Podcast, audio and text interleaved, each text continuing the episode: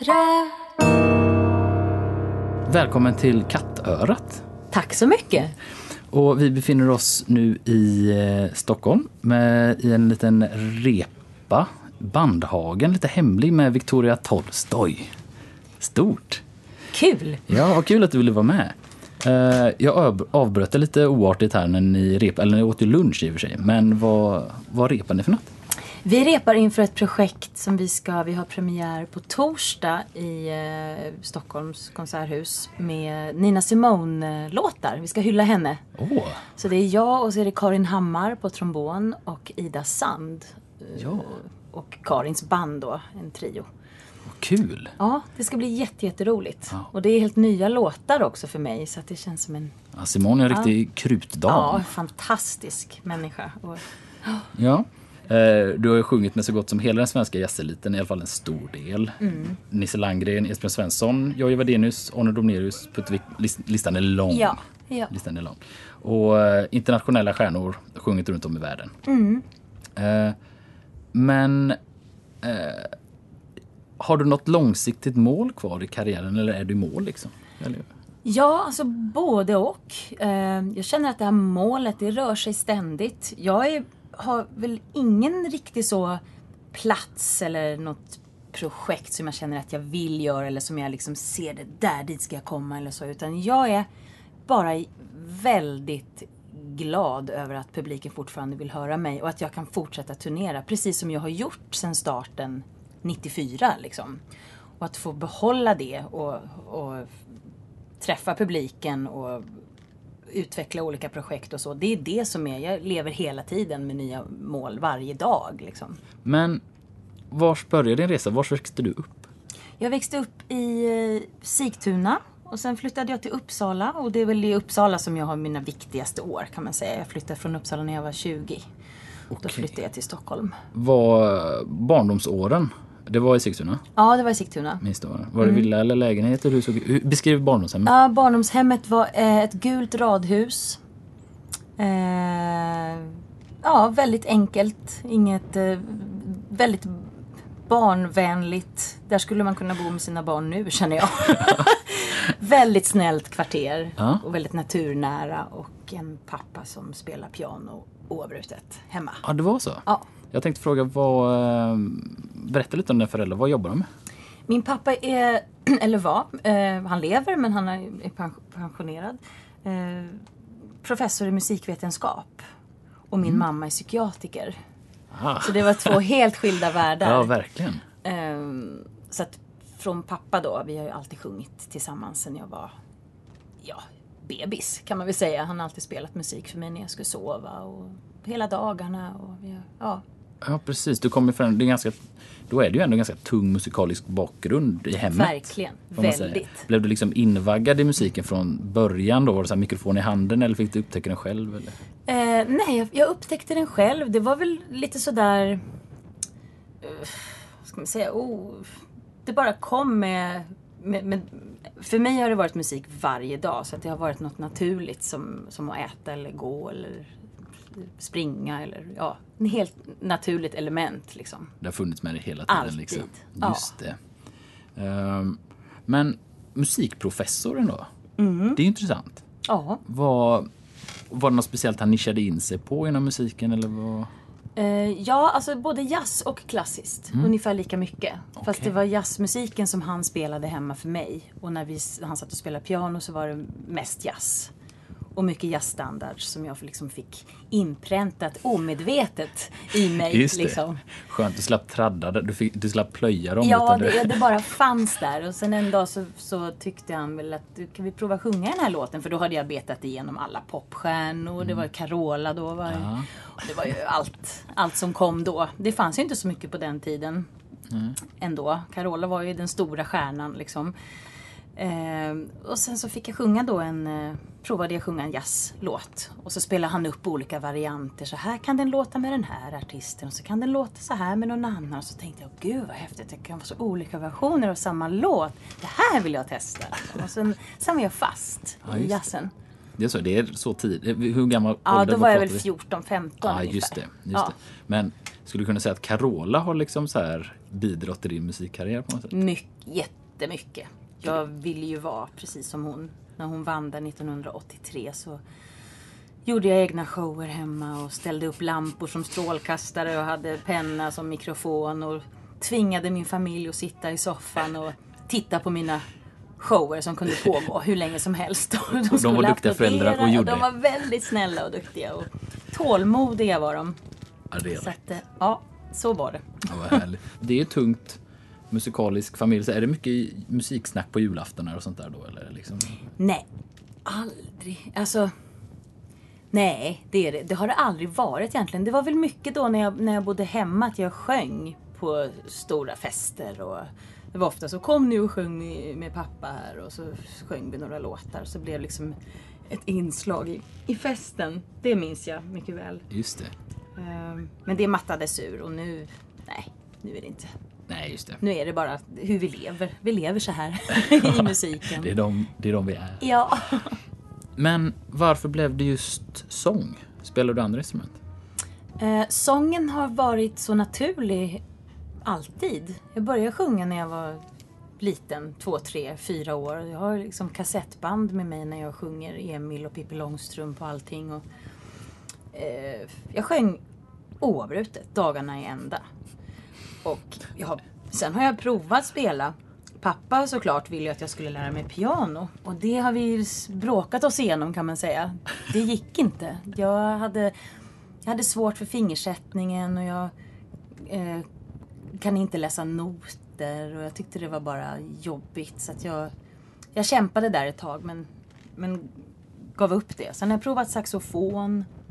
Det gick inte heller på en gång. Och sen har jag provat fiol. Det gick inte heller på en gång. Och så där är min resa. Att när det inte går på en gång så ger jag upp. Men med sången gick det faktiskt på en gång. Har du och lite därför dåligt- är jag kvar. Har du lite dåligt tålamod då? Väldigt dåligt tålamod. Jag vill att det ska gå på en gång. Det gäller allt. Skidor, skridskor, vad som helst. Så bara, nej, det här gick inte. Då slutar vi öva på det och så går vi vidare i livet.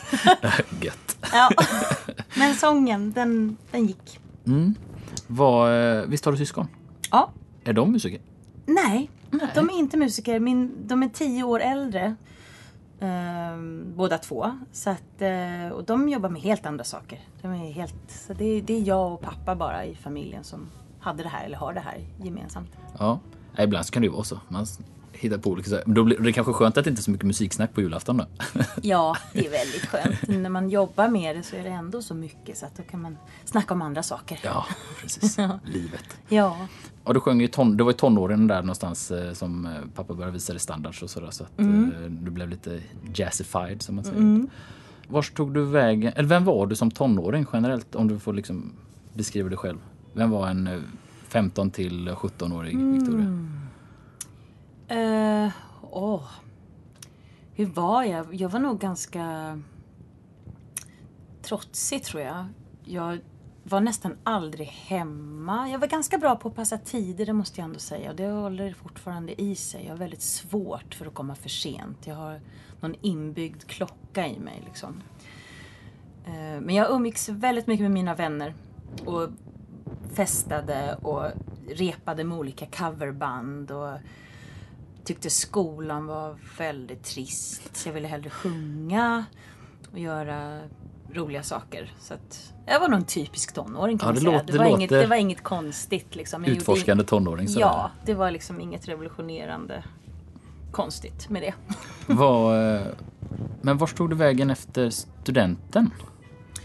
Då åkte jag iväg på en eh, eh, till Visingsö där de har fortfarande tror jag så jazzläger eller vad man ska säga. Det är en vecka, man går en kurs en vecka eller och man jammar och man eh, ja, tar lite lektioner i vad man vill göra, om man vill spela instrument eller om man vill sjunga eller vad man vill göra. Och där var jag en vecka och då har, har man en sånt här slut, eh, en slutkonsert och visa upp det man har lärt sig då hela veckan. Och då när jag hade sjungit mitt så var det en man i publiken som, som jobbar på ett skivbolag. Som eh, jobbar på Citell i Uppsala. Och han frågade mig om jag ville göra en skiva där. Va? Och då så sa jag, det vill jag gärna göra. Och Stort. Ja, väldigt stort. Jag fattade inte då hur stort det var. För jag tänkte, ja ja men det kan vi väl göra. Så kan vi ha den hemma och lyssna på ibland och ha som ett minne. Så kände jag då.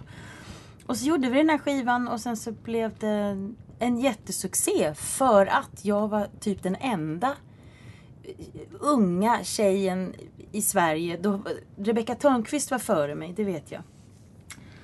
Men som sjunger jazz. En 19-årig tjej som kommer och sjunger jazz. Det blev ju stort i eh, de, de medierna som fanns på den tiden. Nu vet jag inte hur stort en sån grej hade blivit. Men det var ju... Ja, men lite såhär jazzen lever-känsla blir det på Ja, något sätt. precis.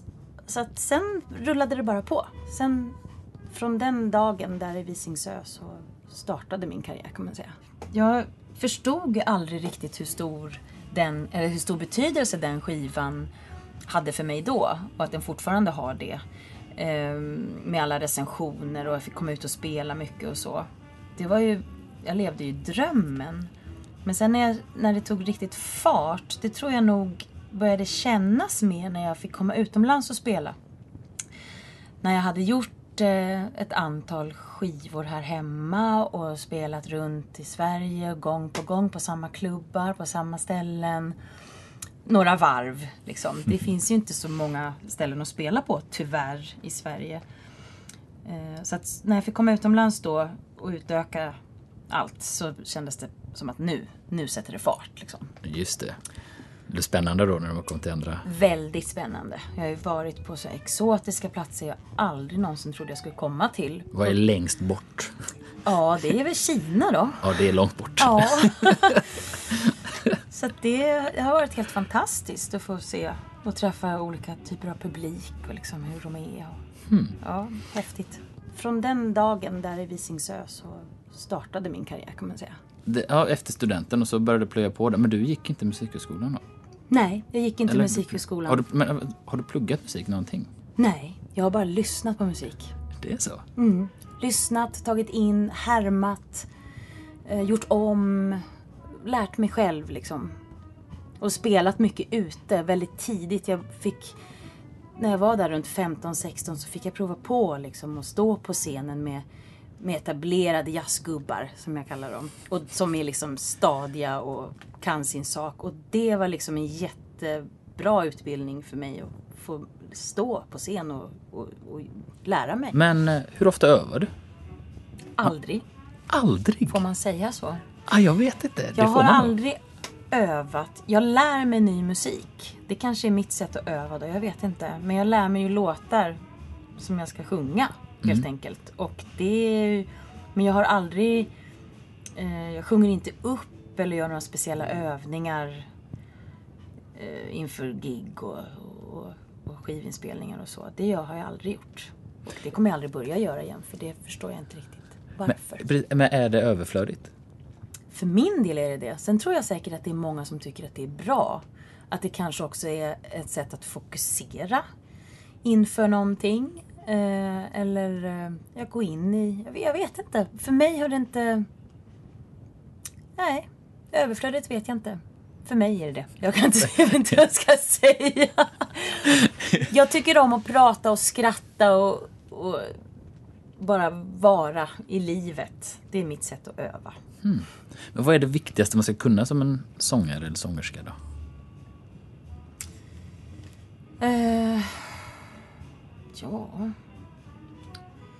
Jag vet inte. Eh, sjunga. jag, jag, tänkte, jag, tänkte, jag, tänkte, jag tänkte precis på den. bara, Du får inte säga sjunga. Nej men att... Ja, alltså för mig är det ju... Jag vet inte.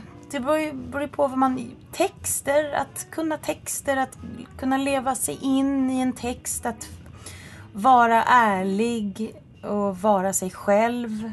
Är texter viktiga? Ja, det tycker jag. Texter är viktiga. Det tycker jag är 50-50. Om jag hör en jättebra låt eller jättefin melodi och så är texten väldigt konstig så går det inte att sjunga. Jag måste kunna relatera på något sätt. Leva mig in i orden eller kanske att någon annan har levt den texten så att jag liksom kan förmedla eh, någonting till publiken som jag kan stå för. Det är väldigt svårt att, att stå där och inte Hur, har, du något, har du något knep liksom för att ta till dig en text? För man kan ju få många standards och sånt där. Det är mycket Mm. låtar som man ska göra till sin egna. Hur, hur går du tillväga? Jag tänker på det som en, att det är en historia som berättas. Och att det, historien oftast är väldigt logisk i texten. Ibland kan det vara väldigt konstigt som man verkligen måste memorera. Eh, tänker Har, på, har du tålamod till det?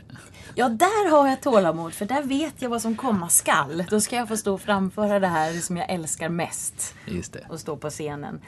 Men eh, jag tror det här på, his- med historien. Att man och bara lyssna, lyssna, lyssna och känna, känna, känna. Men du värmer aldrig upp innan? Nej. Du blir inte trött i rösten? Eller något sånt? det finns ju sånt där som stretchar Ja, fast. Eller? nej men precis. Jag vet att det ska vara väldigt bra. Och det finns tillfällen då jag skulle behöva lärt mig det. Just att göra gymnastik med tungan och man gör olika övningar. Liksom. Eh, Men jag tar så väl hand om mig. Det var värre när jag var yngre. För då var det liksom varje spelning var en fest. Och så var det wow och så var det ut och slarva hela natten. Och så skrattade jag och, och, och liksom Stökigt. stökigt och bökigt och så var jag hes nästa dag och så sjöng jag ändå. Så höll det på så liksom. Men nu lever jag ett annat slags liv så att min rösten håller för, för det mesta nu faktiskt. Eller för, ja, Då, ta i trä. starkare ja. med åren helt Ja, jag har enkelt. blivit starkare. Jag, jag har sjungit mig stark. Jag Ja. har skrikit mig stark. Ja, det är gott. Ehm, nu är det... ehm, Det här är väl en fråga som jag har reflekterat över lite. Ehm, och jag vet att andra kan ha tänkt det också lite sådär. Men ehm, det här med tonarter. Mm. Har du någon favorit? Bess. Bäst med en gång bara. Ja, jag är lustig, för vi, precis, vi håller på och repar här nu så då höll vi på att gå igenom vad ska vi tonart. Och så blev det bäst två gånger. Och jag har varit med om det miljarder gånger när jag ska leta tonarter. Att, ja men det blir ju Victoria-tonarten. Bess. Ja men det är ju bäss så, såklart. Liksom. Så att för mig är bäss, det är min tonart. Ja. Har jag fått lära mig. Vad roligt. Ja. Mm. Eh, Jag vet att det finns de som kan känna sig, eh, om man sjunger, så finns- jag vet att det finns de som kan känna sig lite besvärliga när de vill byta tonart inför medmusiker som har redan repat in en tonart. Det är lite tankegångar som man hör ibland på musikutbildningar och sådär. Vad, vad har du för tankar kring det? Eh, du menar för, för, för, för sångaren? Ja, att det ska vara lite, eller ibland att det kan kännas lite jobbigt att gå in i ett rum där det är fem till tio personer som har övat in en sak. Ja, ja, och så sen är det fel tonart Ja, och så och kan man inte ändra den för att de kanske tycker att det är lite Ja, precis. krångligt. Eh, nej, jag har inga problem med att ändra tonarter så länge det låter okej. liksom. Jag kan ha jag har ganska brett spann men att det ska ju ändå vara inom bekvämlighetsramen för att få sjunga. Och Mm. är det inte det då får man ju verkligen säga att det här går inte. Vi får byta tonart. Nu får vi liksom ta några extra minuter eller timmar eller vad det nu är beroende på Ja. vad det är för musiker och ändra den här tonarten. Men generellt nej, inga problem med. Nej, just det. Nej, men det är bra. Man ska stå på sig lite. Ja, det får man ju göra för det ska ju inte låta illa och det ska inte göra ont att sjunga. Typiskt dålig grej. Ja, dålig grej. Ehm, vi har ju redan varit inne på det. Du har känt dig ganska trygg på scenen sedan tidigt och du har liksom ska man säga, vävts in i det här livet på något sätt under väldigt lång tid. Ehm, och du har inte pluggat, så du har inte haft, eller har du haft någon riktig sån här audition någon gång? När du har stått och skakat skraj? Nej. Nej, men jag tänkte, har du det mest nervösa musikmässiga tillfället liksom när du skulle uppträda någon gång? Oh, nu ska vi se. Ja, Det har varit så... Ibland har det varit nervöst bara för att mamma sitter i publiken eller någon kompis. Eller, det är så konstigt för då borde det vara tvärtom. Att det borde man känna sig trygg. Men det är någonting där att ja, men nu måste jag ändå bevisa här för dem att jag kan ju det här fast jag har hållit på så länge.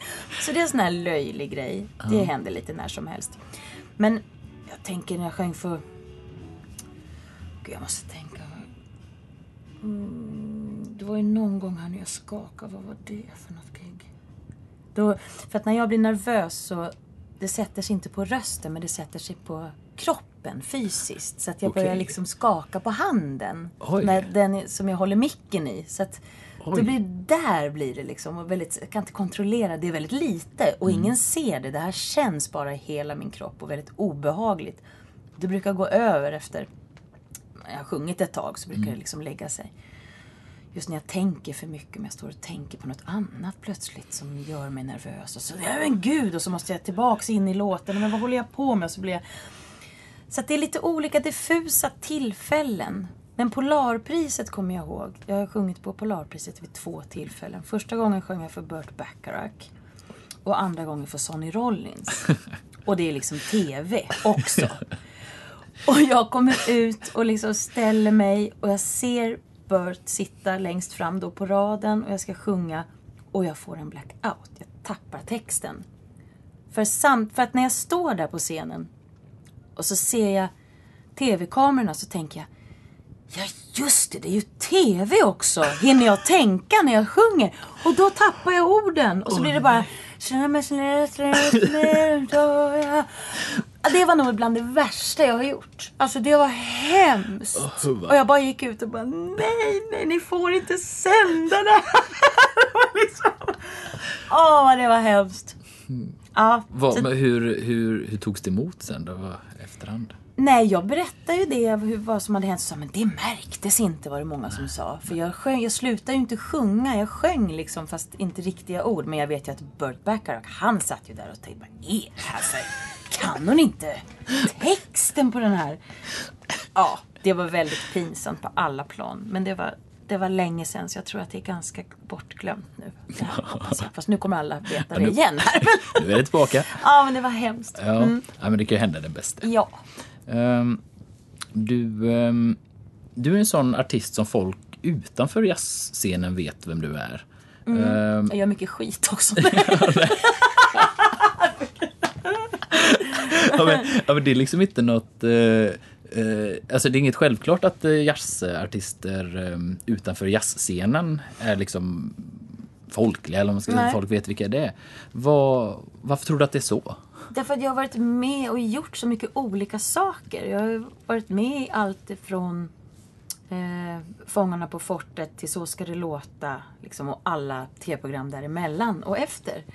Och jag har ju, tycker det är så himla roligt. Ja. Och jag har fått, speciellt i början så fick jag mycket skit för det. Liksom. Men gud, varför ska hon vara med så här oseriösa sammanhang? Och oj, oj, oj, hon ska ju sjunga jazz och så. Ja, Folk blir sura. Ja, varför- och jag kan för mitt liv inte förstå varför det är så. Och det är bara så i Sverige. Det finns inte något annat land där man inte tycker att det är roligt att man kan göra olika saker och vara bra på olika saker. Eller sjunga olika stilar. Jag älskar till exempel att sjunga soul och funk och alltså allt. Rock, Carola. hårdrock, Carola, you name it, slager. Jag tycker det är jätteroligt. Eh, Så att jag har ju liksom alltid utgått från mig själv. Vad tycker jag? Jo, jag tycker att man kan göra olika saker och det är min bestämda uppfattning. Och det gör en inte mindre seriös eller bra som artist. Tvärtom, det breddar. Biter kritik, eh, kritiken på dig eller rinner den av eller hur känner du? Eh, nej, alltså det gjorde den väl i början så. Så kunde jag liksom haka upp mig på vissa saker. Men varför tycker han så där? Varför säger han så? Det är väl inte, så känner inte jag och så. Eh, men nu är det bara, nu är jag så, så säker i mig själv och så. Nu är du med en gång till i Fångarna på fortet bara för att bevisa Ja, liksom. Så, precis. och käften liksom. Ja, jag ska stå där och skrika med mer tragedi. Fa- Fantastiskt. Um, ska vi se här då. Ehm, eh, men du har, du har ju varierat eh, dina plattor, måste man ändå säga. Generellt så är det ganska modernt. Men Smile, Love and Spice, det är lite traditionellare. Ja. Och så um, Letter to Herbie är ganska bitig liksom. Ehm, och den här senaste, Meet Me at the Theater, det är ju till och med den fina låten Book of Love. Gabriel. Ja, älskar Peter. Gabriel. Mm. Ja. Ehm, Men genomgående på alla dina plattor så tycker jag att det är ganska clean och tydlig ljudbild. Mm. När instrumenten kommer ut. Hur, med modernt sound, hur vill du ha din musik?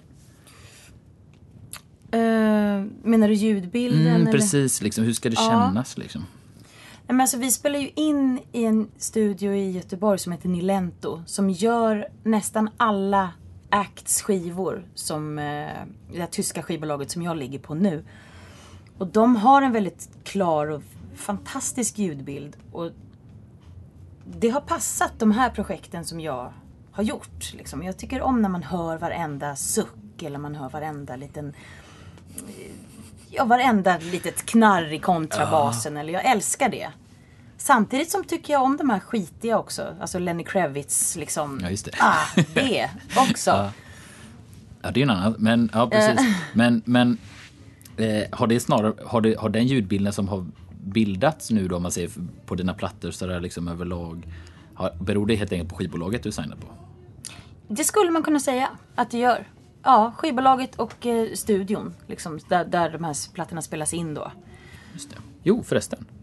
Du, eh, lite skönt som omväxling som en eh, svensk jazz- jazzartist. Eh, Du bor inte i Stockholm.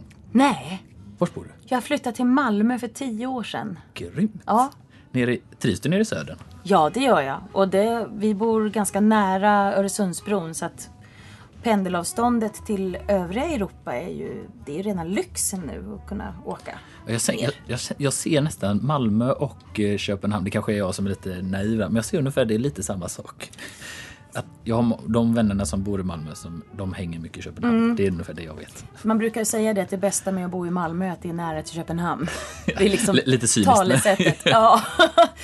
ja, precis. Det är ju väldigt nära Köpenhamn. Det tar en kvart för oss med bil. Liksom. Just det. Så det är ju Ner fantastiskt. på kontinenten. Ja. Men du är från, eller du är från kontinenten höll jag på att säga. men, eh, men visst, du har ryskt påbrå? Mm. Jag, jag ska faktiskt till Ryssland på lördag. Och inför den här les, resan så har jag läst två böcker. En var en eh, liksom, politiska läget med Putin och jada, jada, hur det ser ut idag. Och så var det en historiebok. Och då kom Tolstoj upp Mm. i den här historieboken. Och jag, du kan säkert gissa vem det är jag syftar på. åh. Ja, eh, men jag kopplade inte då. Men det var ju givetvis din gammelmorfar, gammelfarfar. Morfars farfar. Ja, Lev, Lev Tolstoj. Ja, Leo Tolstoj. Le, Leo. Ja, Leo. Leo Tolstoj. Ja. Just det. Och han var ju en känd författare och ideologist som Mm. jag förstått det. Eh, om jag inte missförstått det så var han lite anarkistisk och han gillade inte riktigt hierarkier. Mm. Är du lite anarkistisk du med? Lite, punk? Ja, jag har väl någon liten punkrockare i mig någonstans. Det tror jag.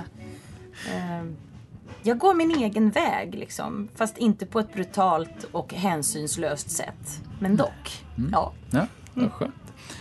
Eh, Men en genomgående tema med Leo Tolstojs eh, noveller och sådär, det är att han menar på att konsten är ett sätt att påverka oss till det bättre och förbättra människosyn, eh, människors sympatiska och moraliska kompass. Säga. Det låter klokt. Ja, tror du att musik kan förbättra människors Helt övertygad. Jag tror till och med att musiken hela människor, alltså att deprimerade eh, själar liksom kan må bättre. Jag tror mu- musik är, det är medicin.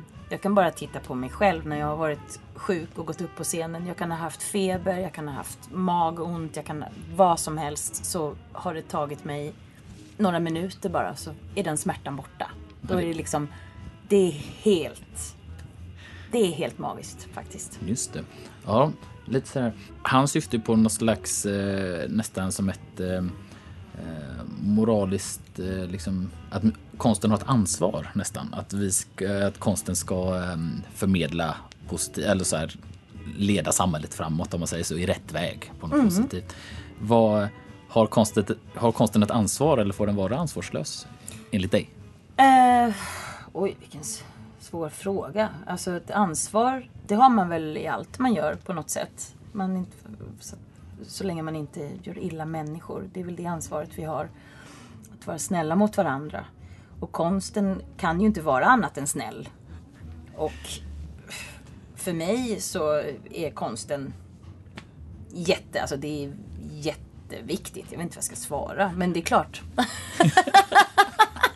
Konsten är våran räddning kan jag väl säga. Ja. Vad... Eh, din, eh, nu, nu är jag ute på djupt vatten här. Din pappa som är musikprofessor, har han liksom så här tänkt kring de här tankarna som din morfars farfar tänkte? Alltså så här liksom, har, har ni snackat om det? Liksom, Nej, vi har inte pratat om det. Jag vet knappt, jag vet inte så mycket om Leo Tolstoj om jag ska vara helt ärlig. Själv faktiskt. Men han, han hade ett bra skägg hade han. Han har ett bra skägg. Stort bra skägg. Han drack inte någonting, det vet jag. Nej men jag, som jag förstår, han var liksom vegetarian och anarkist innan punken ens fanns. Ja. Liksom. Ja. lite, lite tufft så. Men eh, summa summarum så får vi nog runda av intervjun här.